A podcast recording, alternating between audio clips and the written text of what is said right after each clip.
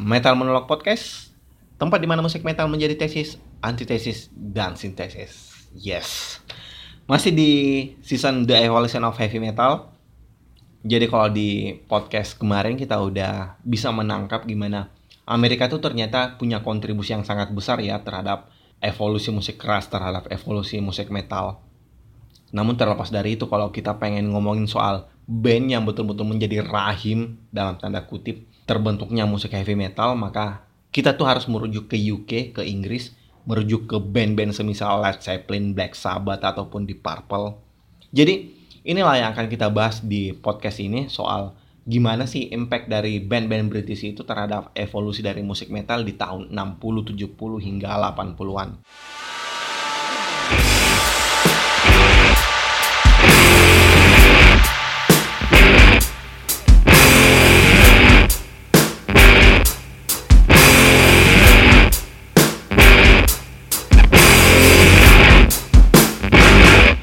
Oke, episode ketiga dari The Evolution of Heavy Metal, Early Metal UK Cartel. Jadi kalau kalian ngeliat judul dari podcast ini, mungkin kalian sudah menduga bahwa gue akan langsung ngebahas soal Black Sabbath, mengingat di dua episode sebelumnya gue sering banget ngomong soal gimana Black Sabbath itu sebagai band heavy metal pertama di dunia. Ya emang bener sih Black Sabbath band heavy metal pertama di dunia, tapi karena konteksnya adalah evolusi, maka kita tuh harus mundur ke belakang jauh sebelum era-eranya Led Zeppelin, era-eranya Black Sabbath, di mana ekosistem musik keras di UK itu sebenarnya berawal dari genre blues. Jadi ledakan musik keras di UK itu berawal dari blues movement di akhir 50-an dan meraih puncaknya di pertengahan 60-an. Belakangan media nyebutnya sebagai fenomena blues boom. Jadi musik blues yang aslinya dari US itu masuk ke UK tahun 30-an lewat jalur perdagangan militer.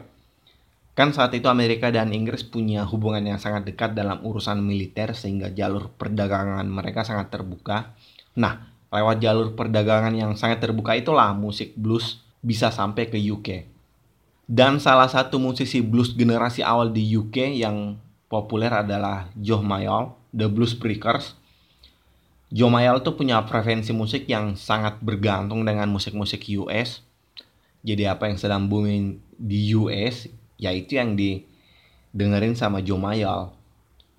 Nah saat itu di US lagi booming musik R&B dan jazz, namun Joe Mayall kok merasa kurang suka dengan musik seperti itu. Joe Mayall merasa bahwa musik jazz itu mestinya udah flop di era 60-an, ditambah lagi bobot relevansi dari musik jazz itu sangat kecil terhadap kehidupan masyarakat Inggris. Karena itu, Joe Mayall akhirnya memilih untuk tetap memainkan musik blues karena dianggap punya korelasi yang lebih terhadap kehidupan masyarakat Inggris saat itu. Menurutnya, korelasi itulah yang kemudian nanti akan membuat musik blues bisa diidentifikasi dengan lebih mudah. Sementara untuk band blues pertama yang berhasil meraih popularitas di UK saat itu adalah The Yardbird, band asal London yang ngerilis debut albumnya tahun 65, album For Your Love, band yang musiknya untuk pertama kalinya di UK itu bisa di diidentifikasi sebagai band dengan musik cepat, band dengan musik keras. Jadi sebelumnya di UK itu orang belum mengenal band band keras, band cepat dan The Yardbirds adalah band pertama yang diidentifikasi sebagai band keras, band cepat. The Yardbirds itu sendiri bisa disebut sebagai band akademi di mana sangat sering terjadi gonta-ganti personil di mana para personilnya menjadikan The Yardbirds sebagai semacam pijakan awal sebelum memiliki karir yang lebih besar. Sebut saja karir tiga gitaris ternama seperti Eric Clapton, Jeff Beck, dan Jimmy Page. Itu semuanya dimulai dari The Yardbird. Jadi meskipun di pertengahan 60-an The Yardbird itu sudah terasosiasi dengan term musik cepat dan keras, namun eksistensinya itu cukup singkat, cuma sekitar 1-2 tahun karena tren musik di UK saat itu kemudian berubah menjadi tren yang lebih lambat itu gara-gara diintervensi oleh permainan bass lain yang lebih swing, lebih relax. Hal ini bisa lu lihat dengan banyaknya pemain-pemain bass yang saat itu yang mengisi vokal sekaligus menjadi leader dari sebuah band. Misalnya aja band semisal Cream. Cream ngerilis album pertamanya Fresh Cream tahun 66. Sebuah band power trio dari kota London juga sama kayak The Yardbird. Personilnya tuh ada Jack Bruce yang main bass sekaligus vokal, drummer Ginger Baker, sama gitarisnya Eric Clapton setelah keluar dari The Yardbird. Gaya musik Cream itu tergolong unik jika dibandingkan dengan musiknya The Yardbird.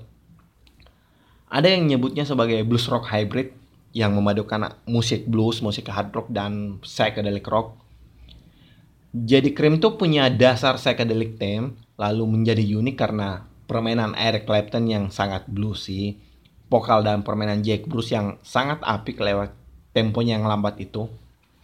Ditambah lagi permainan drum dari Ginger Baker, seorang drummer dengan pengaruh jazz yang sangat kental dan punya lirik yang sangat puitis ala-ala Pete Brown.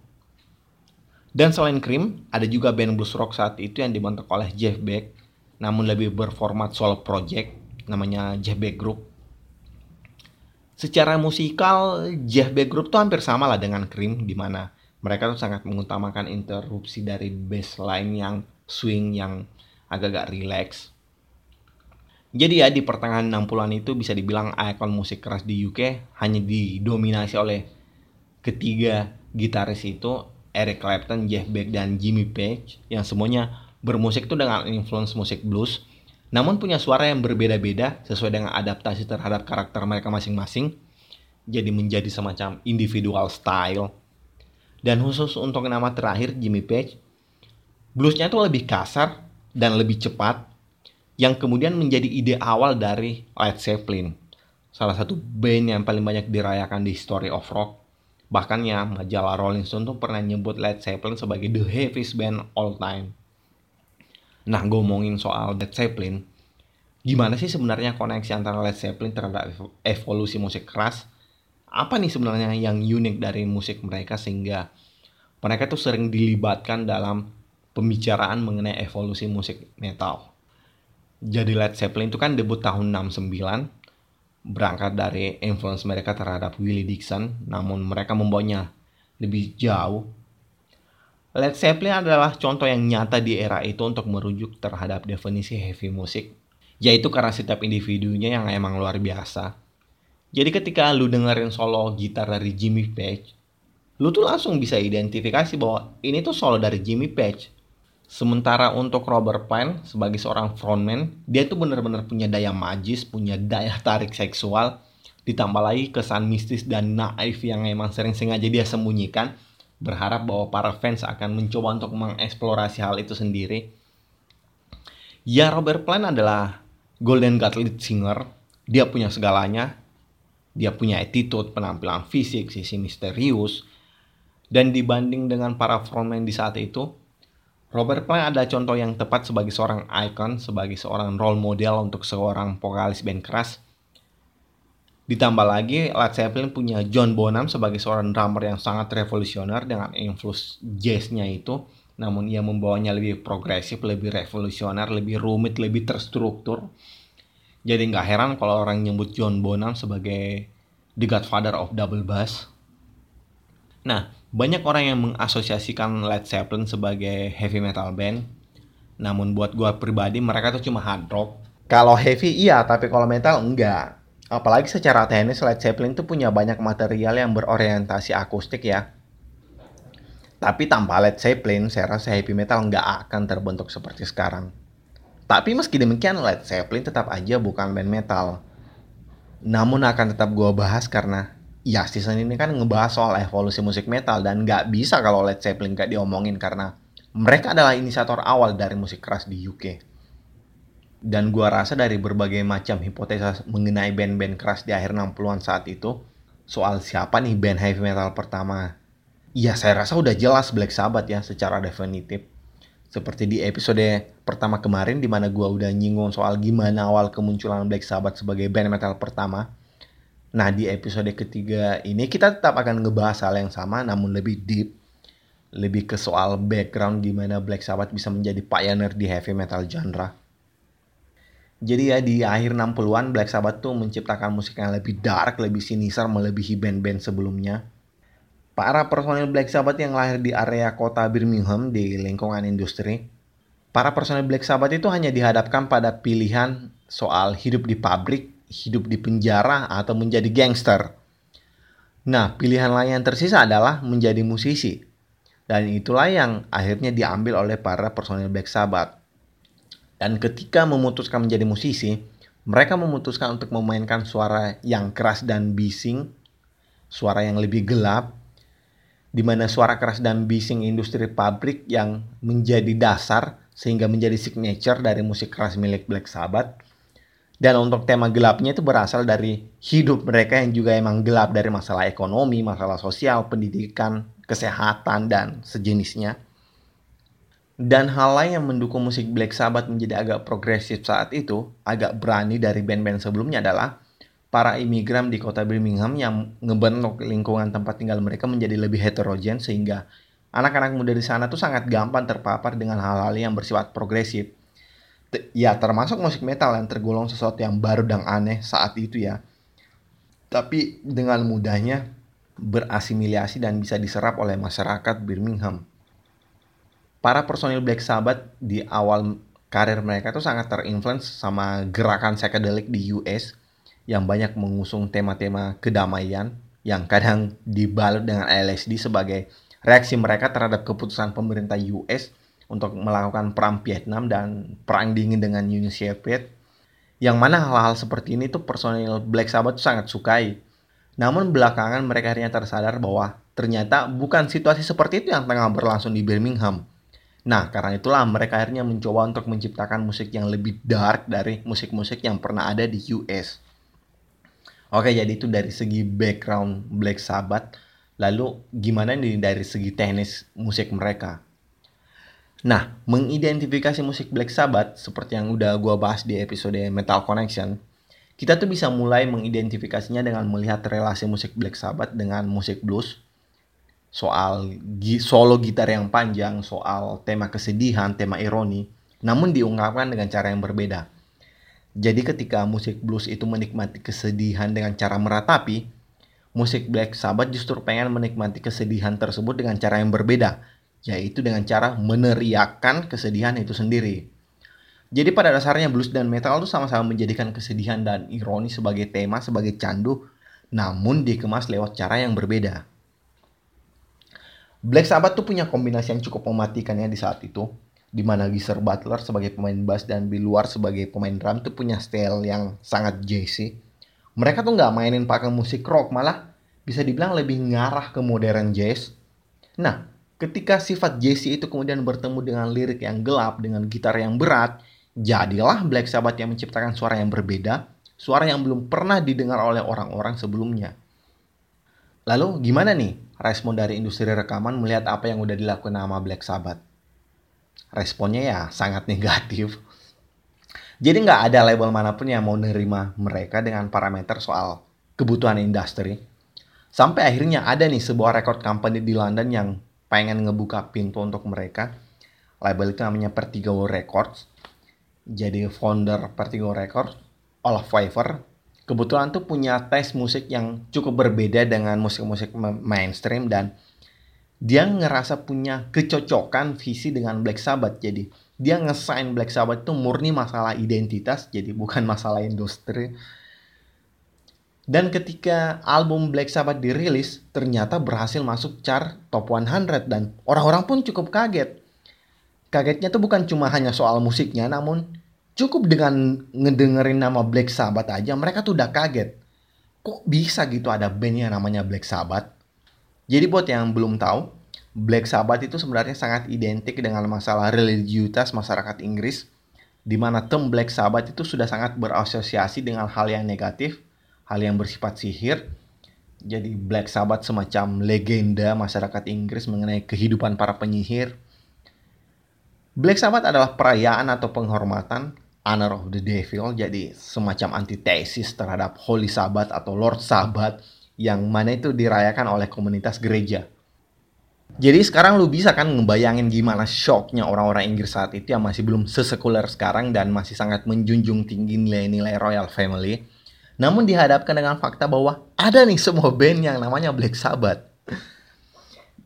Jadi kalau ada album yang layak mendapatkan kredit terhadap terciptanya musik metal, maka itu adalah debut albumnya Black Sabbath yang 5-6 tahun ke depan kemudian mempengaruhi banyak orang sehingga dengan sendirinya membentuk ekosistem musik keras, ekosistem musik metal.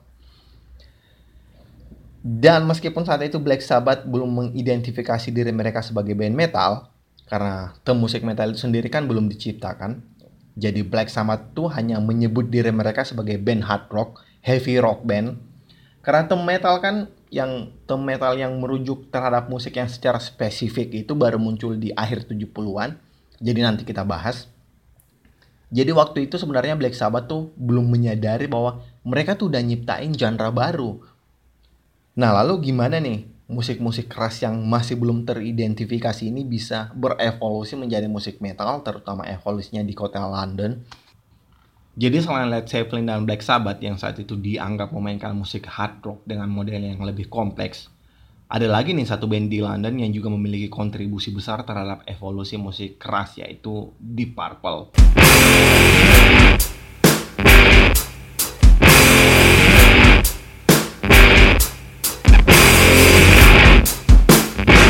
di Purple adalah band yang sampai sekarang evolusinya itu juga masih gue pelajarin karena ada begitu banyak formasinya ditandai dengan Mark 1, Mark 2, dan seterusnya. Kalau nggak salah, sekarang tuh kayaknya udah nyampe Mark 8. Oke, jadi kita mulai dari Mark 2 aja, yang menciptakan suara yang cukup keras untuk di zaman itu, sampai-sampai media menyebut di Purple sebagai band paling berisik di dunia. Mengapa gua nggak mulai dari Mark 1? karena Mark One tuh bisa dibilang masih dalam tahap prototype di mana blueprintnya tuh masih sedang dicari saat itu. Jadi perbedaan antara Mark One dan Mark II adalah Mark One tuh masih mencoba untuk meniru apa yang dilakukan oleh band lain. Menjadi cover band seperti apa yang sekarang mungkin bisa kalian lihat lihat di YouTube. Di mana ketika kalian nge ngebuka YouTube tuh langsung dipenuhi dengan musisi-musisi cover. Ya namanya juga musisi musisi pemula masih berusaha menjadi orang lain. Jadi itulah kondisi dari Mark I. Sementara di formasi Mark II, mereka tuh sudah mencoba untuk menciptakan identitasnya sendiri. Jadi formasi Mark II udah ngerasa bahwa nggak ada gunanya nih menjadi band cover, sekalipun punya banyak fanbase. Formasi Mark II merasa bahwa nggak ada gunanya menjadi nomor 2. Nah, untuk bisa menjadi nomor satu, mereka tuh harus punya identitasnya sendiri. Maka terbentuklah formasi Mark II di mana ada Ian Gillan sebagai vokalis, Richie Blackmore sebagai gitaris, John Lord keyboard, Roger Glover bass dan Ian Pace pada drum. Nah, di formasi Mark II inilah di Purple betul-betul menjadi contoh bagaimana sebuah band itu bisa memiliki ikatan antara personilnya yang bisa dibilang selayaknya ikatan dalam sebuah pernikahan. Mereka betul-betul kompak. Lu lihat aja gimana Roger dan Ian tuh punya ikatan yang sangat kuat sebagai seorang songwriter dan di sisi lain ada Richie dan John Lord yang punya hubungan kuat dalam membentuk rhythm dan gua rasa itulah kunci dari Deep Purple bisa menjadi fondasi dari ter terbentuknya ekosistem musik metal. Richie Blackmore adalah masternya riff. Dia adalah gitaris yang sangat kompleks. Richie itu sebenarnya suka mainin riff yang simpel, namun simpel versi Richie itu berbeda dengan simpel seperti yang orang pahami jadi mungkin simpel buat didengarkan, simpel untuk ditangkap, namun sebenarnya kompleks saat diciptakan oleh Richie. Ditambah lagi saat live konser, Richie Blackmore tuh suka improve dengan leher gitarnya dan kadang menghancurkan gitarnya di akhir konser. Nah, dengan kombinasi Mark II inilah di Purple kemudian merilis sebuah album yang bisa disebut salah satu rekaman heavy metal klasik.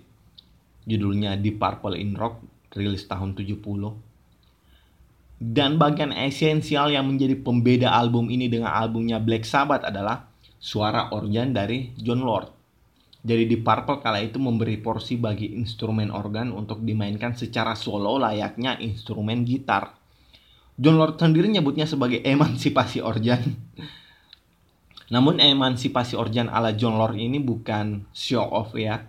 Karena John Lord tuh selalu berusaha untuk mensinkronisasikan antara solo keyboardnya dengan solo milik Richie Blackmore sehingga terciptalah nada instrumental yang agak-agak ambigu ketika orang dengerin itu ngerasa ini sebenarnya keyboard sama gitar ini duet apa duel sih? Nah, di sinilah awal di Purple dikonotasikan sebagai band yang rumit secara musical structure. Jadi di Purple tuh nggak pernah mainin musik yang sama dari satu penampilan ke penampilan lain. Mereka selalu berimprovisasi dari satu panggung ke panggung lain sehingga membuat mereka menjadi semacam apa ya semacam the most wanted happy band kala itu. Dan itulah yang membedakan Deep Purple dengan Black Sabbath. Jadi bukan soal siapa yang lebih baik dari yang lainnya, tapi soal ada dua band nih yang sebenarnya sama-sama memainkan musik keras namun punya karakter yang berbeda.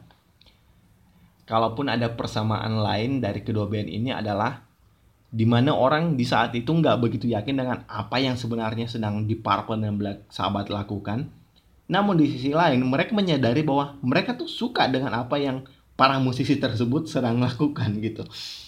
Ya dan itulah karya seni.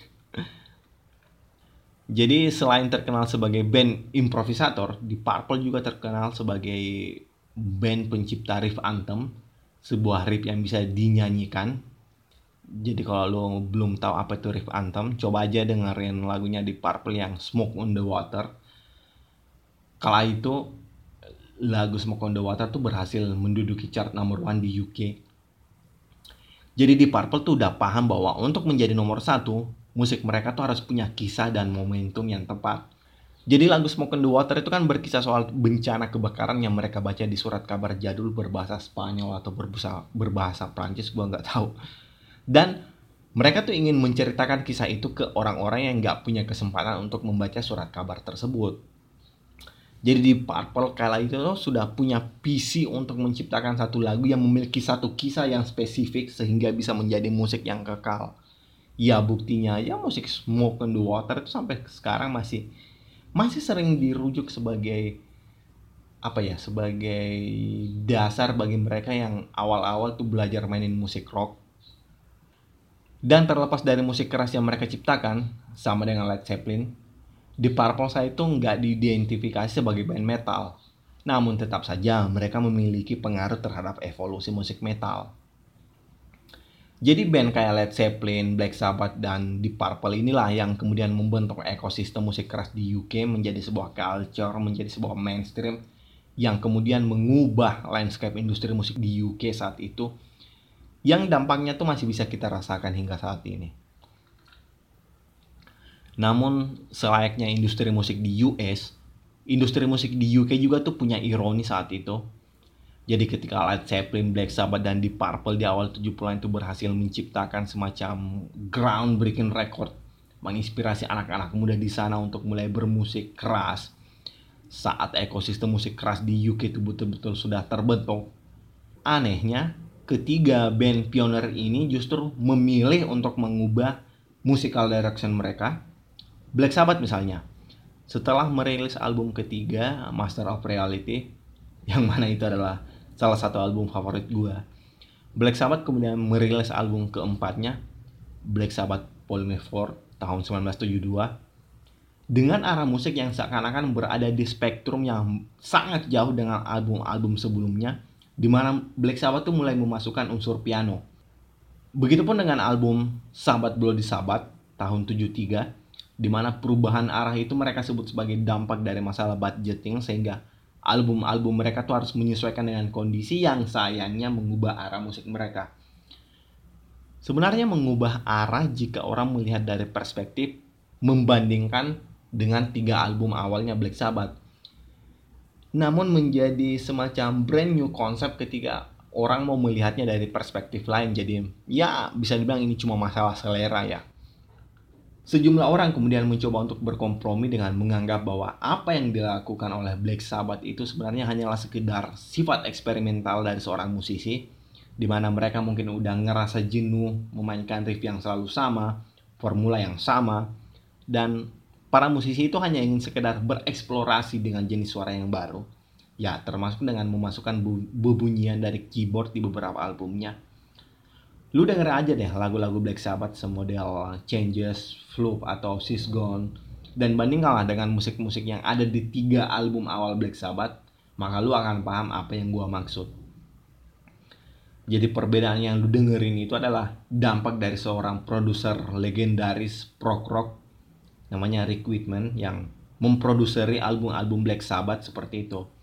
Jadi musik prog rock di masa 60 70 itu kan sangat kental dengan instrumen keyboardnya kayak Pink Floyd. Makanya nggak ngeheranin kalau influence itu kebawa oleh Black Sabbath. Namun jujur buat gua, gue tuh justru seneng dengan eksperimen yang udah dilakuin sama Black Sabbath karena gue akhirnya bisa punya banyak varian dalam menikmati musik Black Sabbath. Ya, buat gue itu cuma sebatas dinamika dari perjalanan karir sebuah band di industri musik. Dan itulah yang membuat gue seneng sama band-band yang punya banyak variabel dari satu album ke album lainnya sehingga progresnya tuh lebih kelihatan gitu. Jadi sederhananya buat gue, Black Sabbath waktu itu sedang masuk ke situasi taking risk dan gue harus ngasih penghormatan terhadap apa yang sudah mereka lakukan. Dan selain Black Sabbath, band keras di awal 70 yang juga mengubah arah musiknya adalah di Purple. Itu diawali ketika Richie Blackmore memutuskan untuk keluar. Jadi di formasi Mark II-nya di Purple tuh sudah terjadi permasalahan soal ego di mana ketika sebuah band berada di posisi puncak kemudian diikuti oleh ego setiap personil yang berbeda dan di sisi lain ketika ego tersebut nggak bisa ketemu maka ego tersebut memutuskan untuk melepas diri dan itulah yang dilakukan oleh seorang Richie Blackmore beberapa tahun kemudian Richie Blackmore merasa bahwa visi bermusiknya tuh udah nggak sejalan lagi dengan di Purple maka terbentuklah formasi Mark III di mana ada duet ikonik Glenn Hughes sebagai pemain bass dan vokal dan ada David Coverdale sebagai lead vokal yang di masa akan datang menjadi leader dari band yang gak kalah suksesnya Whitesnake.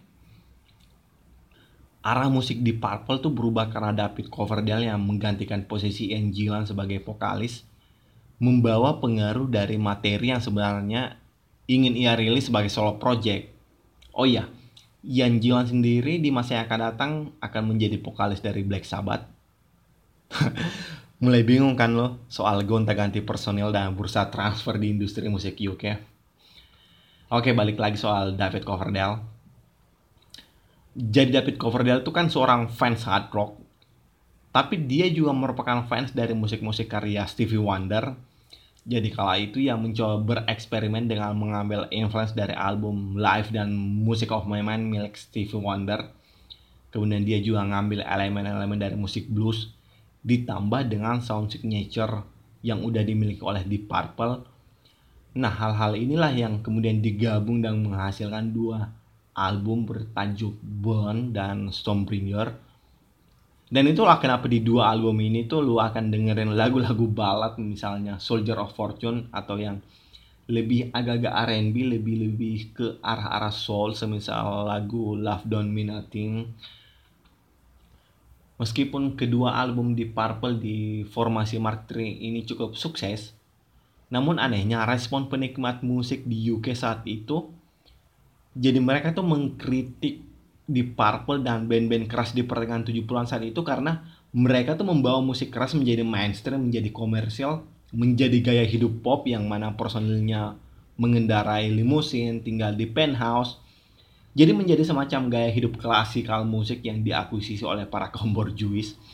Sederhananya, menjadi komersial itu membuat mereka seakan menciptakan sentimen hierarkial dalam landscape musik di UK saat itu dan para penikmat musik keras yang umumnya kelas menengah ke bawah ini merasa sudah kehilangan identitas.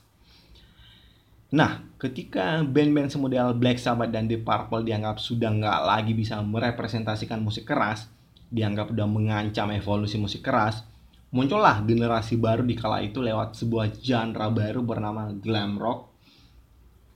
Jadi ada band-band kayak T-Rex, Sweet, Mod the David Bowie, itu adalah generasi yang diberi kredit karena mereka tetap menjaga evolusi musik keras namun di sisi lain dicaci maki karena dianggap lebih mengutamakan visual dibanding audio.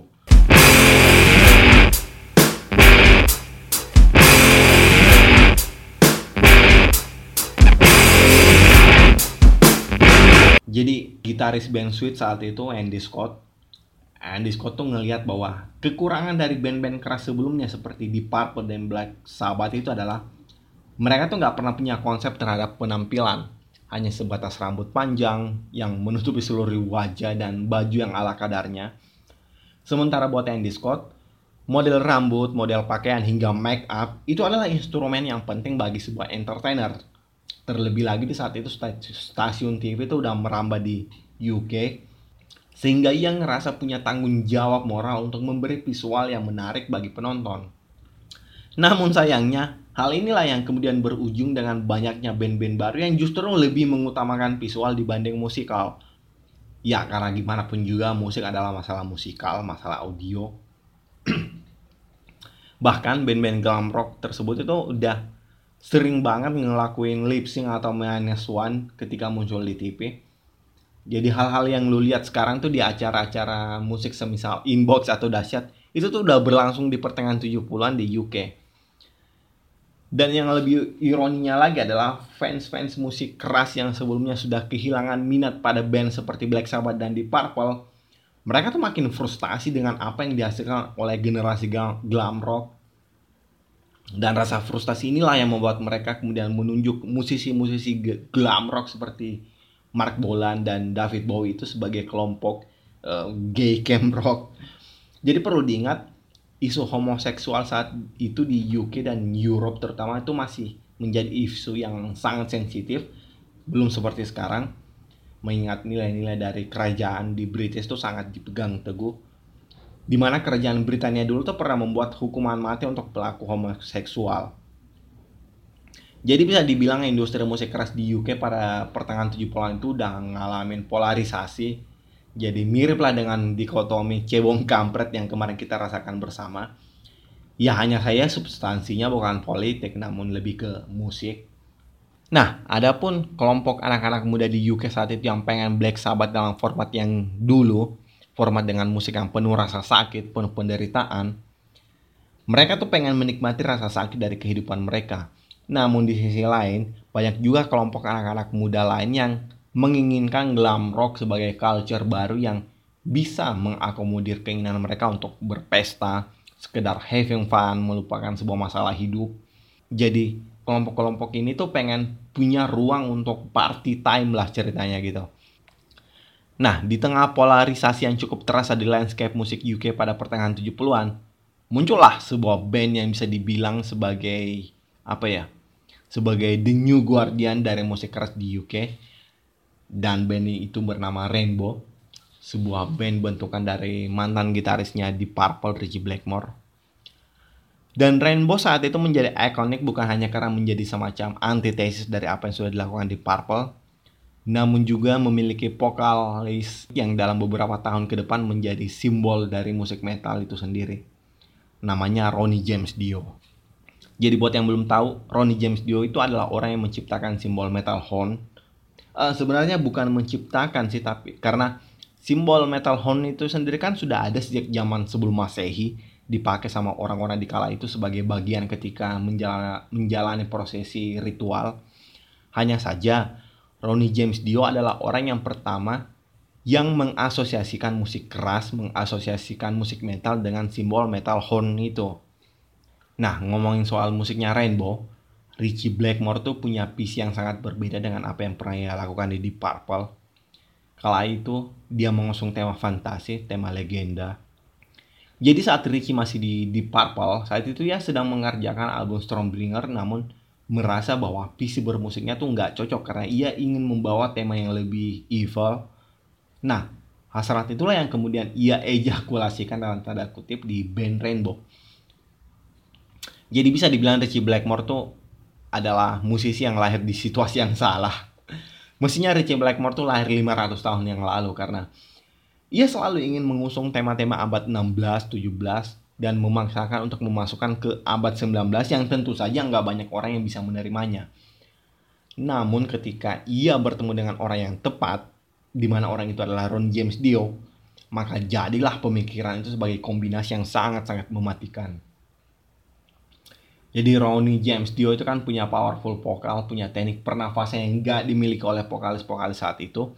Karena basicnya itu sebagai anak yang tumbuh di lingkungan gereja, ditambah lagi dengan pemikiran imajiner dan visioner yang dimiliki Ronnie James Dio, mampu ia tuangkan dalam audio dan visual. Jadi kan sebenarnya ada banyak banget orang-orang imajiner di dunia ini, namun gak banyak di antara mereka yang bisa mendeskripsikan imajinasinya itu dalam bentuk karya yang bisa ditangkap maksudnya oleh orang lain. Karena salah sedikit saja, orang-orang seperti itu akan dianggap sebagai orang gila. Ronnie James Dio waktu itu sukses menggambarkan fantasinya akan legenda kuno, akan cerita di era-era medieval soal demon, soal dragon, soal kesatria yang bertarung melawan dewa demi memperebutkan seorang putri, dan hal-hal sains fiksi lainnya. Atau mungkin lebih tepatnya pseudoscience yang mampu Ronnie James Dio tuh terjemahkan secara sederhana ke dalam sebuah musik. Kalau lu sulit untuk menangkapnya, ya lu dengerin aja lagu-lagunya dia seperti Long Live Rock and Roll yang tentunya bertujuan untuk merangsang mereka yang sudah merasa hopeless dengan musik keras itu merangsang mereka untuk menyadari bahwa sebenarnya masih ada loh orang yang memainkan musik keras. Sederhananya Ronnie itu berhasil membuat fantasi areanya sendiri, menciptakan dragonnya sendiri yang kemudian menjadi candu bagi para penikmat musik keras. Hebatnya Ronnie James Dio itu karena dia bisa menciptakan lirik yang ambigu, lirik yang multi tafsir, jadi bisa dibilang dia tuh cuma nyiptain sebuah ide cerita di mana para pendengarnya bebas untuk mengembangkan sesuai dengan bahasanya sendiri. Dan itulah yang menjadi candu.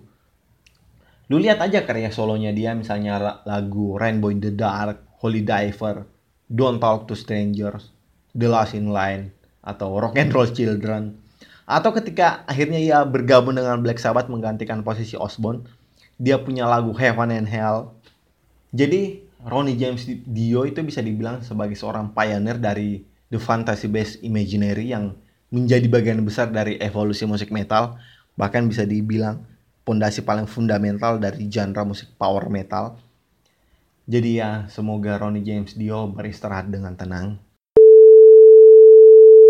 terlepas dari apa yang udah diciptain nama Ronnie James Dio dalam evolusi musik metal band pertama yang bisa menciptakan musik metal sebagai sesuatu yang utuh, sebagai sesuatu yang udah punya pattern, sebagai sesuatu yang bisa diidentifikasi dengan mudah, itu adalah sebuah band bernama Judas Priest.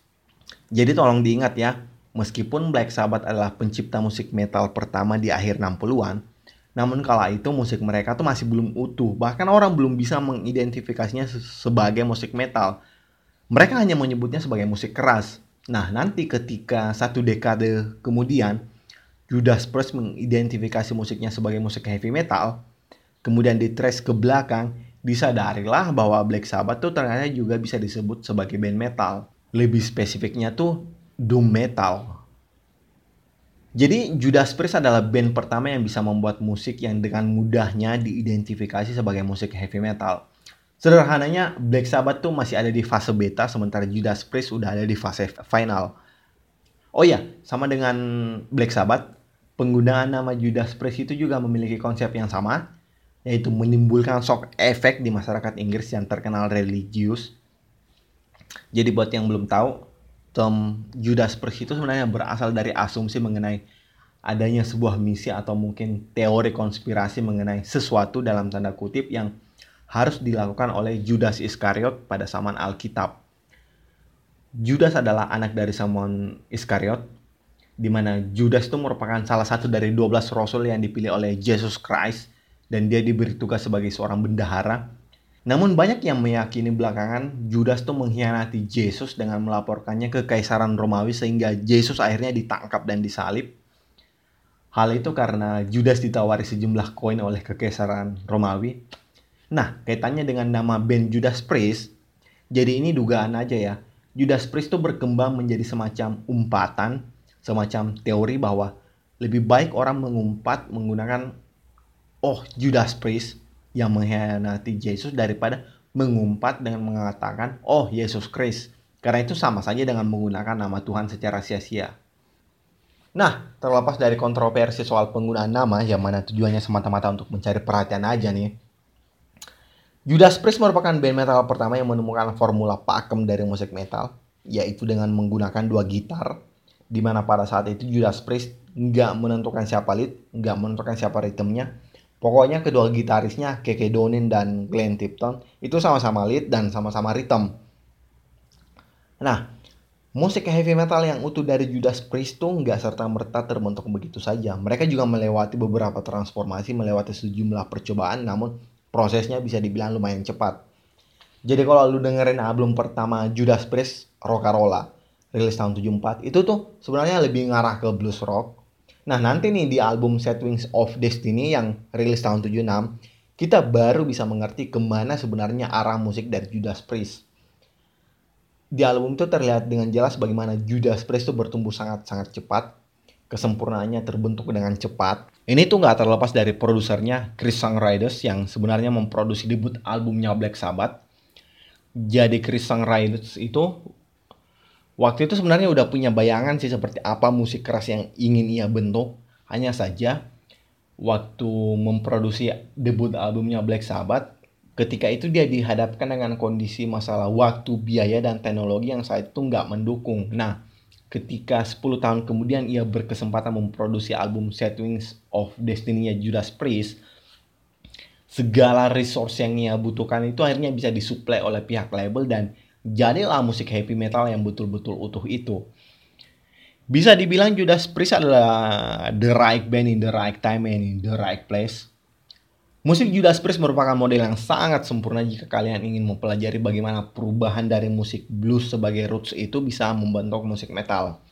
Jadi perubahan short mereka tuh sangat progresif, bukan hanya berasal dari hal-hal seperti one four five dari blues 12 bar, tapi mereka tuh menciptakan sesuatu yang baru yang Sebenarnya bahkan gue sendiri bingung gimana cara mendeskripsikan suara gitarnya ke dalam sebuah kalimat. Ya intinya itulah yang disebut style, Judas Priest style. Dan balik lagi soal dua gitaris yang dimiliki oleh Judas Priest yang tadi gue sebut sebagai pembeda. Menjadi semacam formula dari musik metal. Jadi sebelum Judas Priest sebenarnya udah banyak sih band yang memiliki dua gitaris. Tapi para gitaris ini kan gak terlihat berasosiasi. Mereka tuh kayak mainin part mereka masing-masing. Makanya muncullah istilah soal lead gitar dan rhythm gitar sampai ada juga tuh istilah melodi gitar. Lu bisa lihat hal ini di band-band semisal Aerosmith di mana terjadi sekat yang sangat jelas antara Joe Perry sebagai lead gitar dan Brad Whitford sebagai rhythm gitar. Atau di Rolling Stone misalnya ada Kate Richard dengan siapa pun gitaris rhythm yang pernah temani karena gue nggak ingat lagi siapa aja gitaris yang pernah ngisi rhythm di Rolling Stone. Mungkin lebih tepatnya, ketika band-band lain memiliki two gitaris, Judas Priest justru memiliki twin gitaris. Nah, twin gitaris inilah yang mempunyai pengaruh besar terhadap terbentuknya formula bagi modern metal, bagi band-band metal dalam beberapa tahun ke depan, bahkan hingga saat ini. Dan selain soal twin gitaris ini, ada lagi variabel lain yang juga mungkin orang kadang nggak sadari soal Judas Priest yaitu soal uniform. Jadi ketika band-band keras semodel Led Zeppelin, Black Sabbath, dan Deep Purple itu nggak begitu peduli dengan kostum mereka, Judas Priest justru melakukan hal yang sebaliknya. Hal yang sebenarnya udah dilakuin sih sama band-band glam rock. Bedanya dengan glam rock adalah karena glam rock menjadikan penampilan sebagai priority, Sedangkan Black Sabbath dan Deep Purple menjadikan audio sebagai prioritas mereka. Jadi ketika ada satu sisi yang menjadi prioritas, maka mau nggak mau akan ada sisi lain yang mengalami kesenjangan.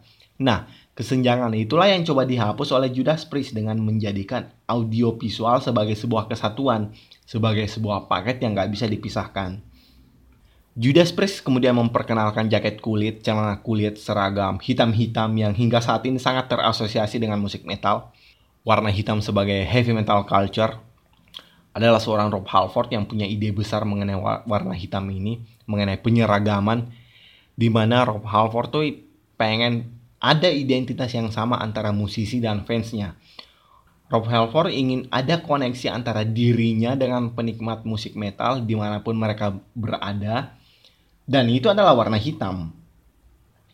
Dan gua rasa kalian pun pasti sudah sering merasakan hal-hal seperti ini di mana kalian tuh merasa sangat mudah terkoneksi dengan orang-orang yang bahkan kalian nggak kenal sama sekali, namun merasa punya identitas yang sama hanya karena memiliki corak kaos yang sama.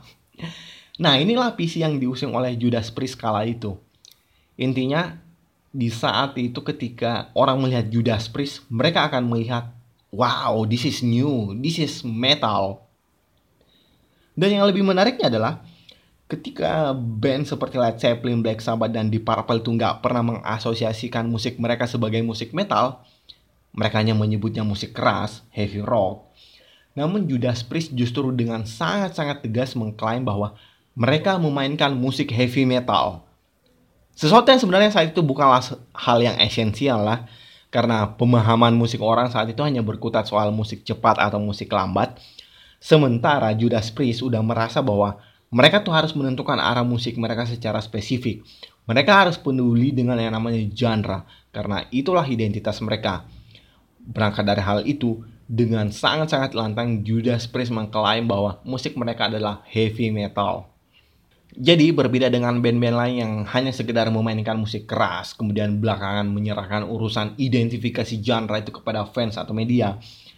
Judas Priest sejak awal mereka memainkan musik keras, mereka tuh udah mengidentifikasi musik mereka sebagai musik heavy metal.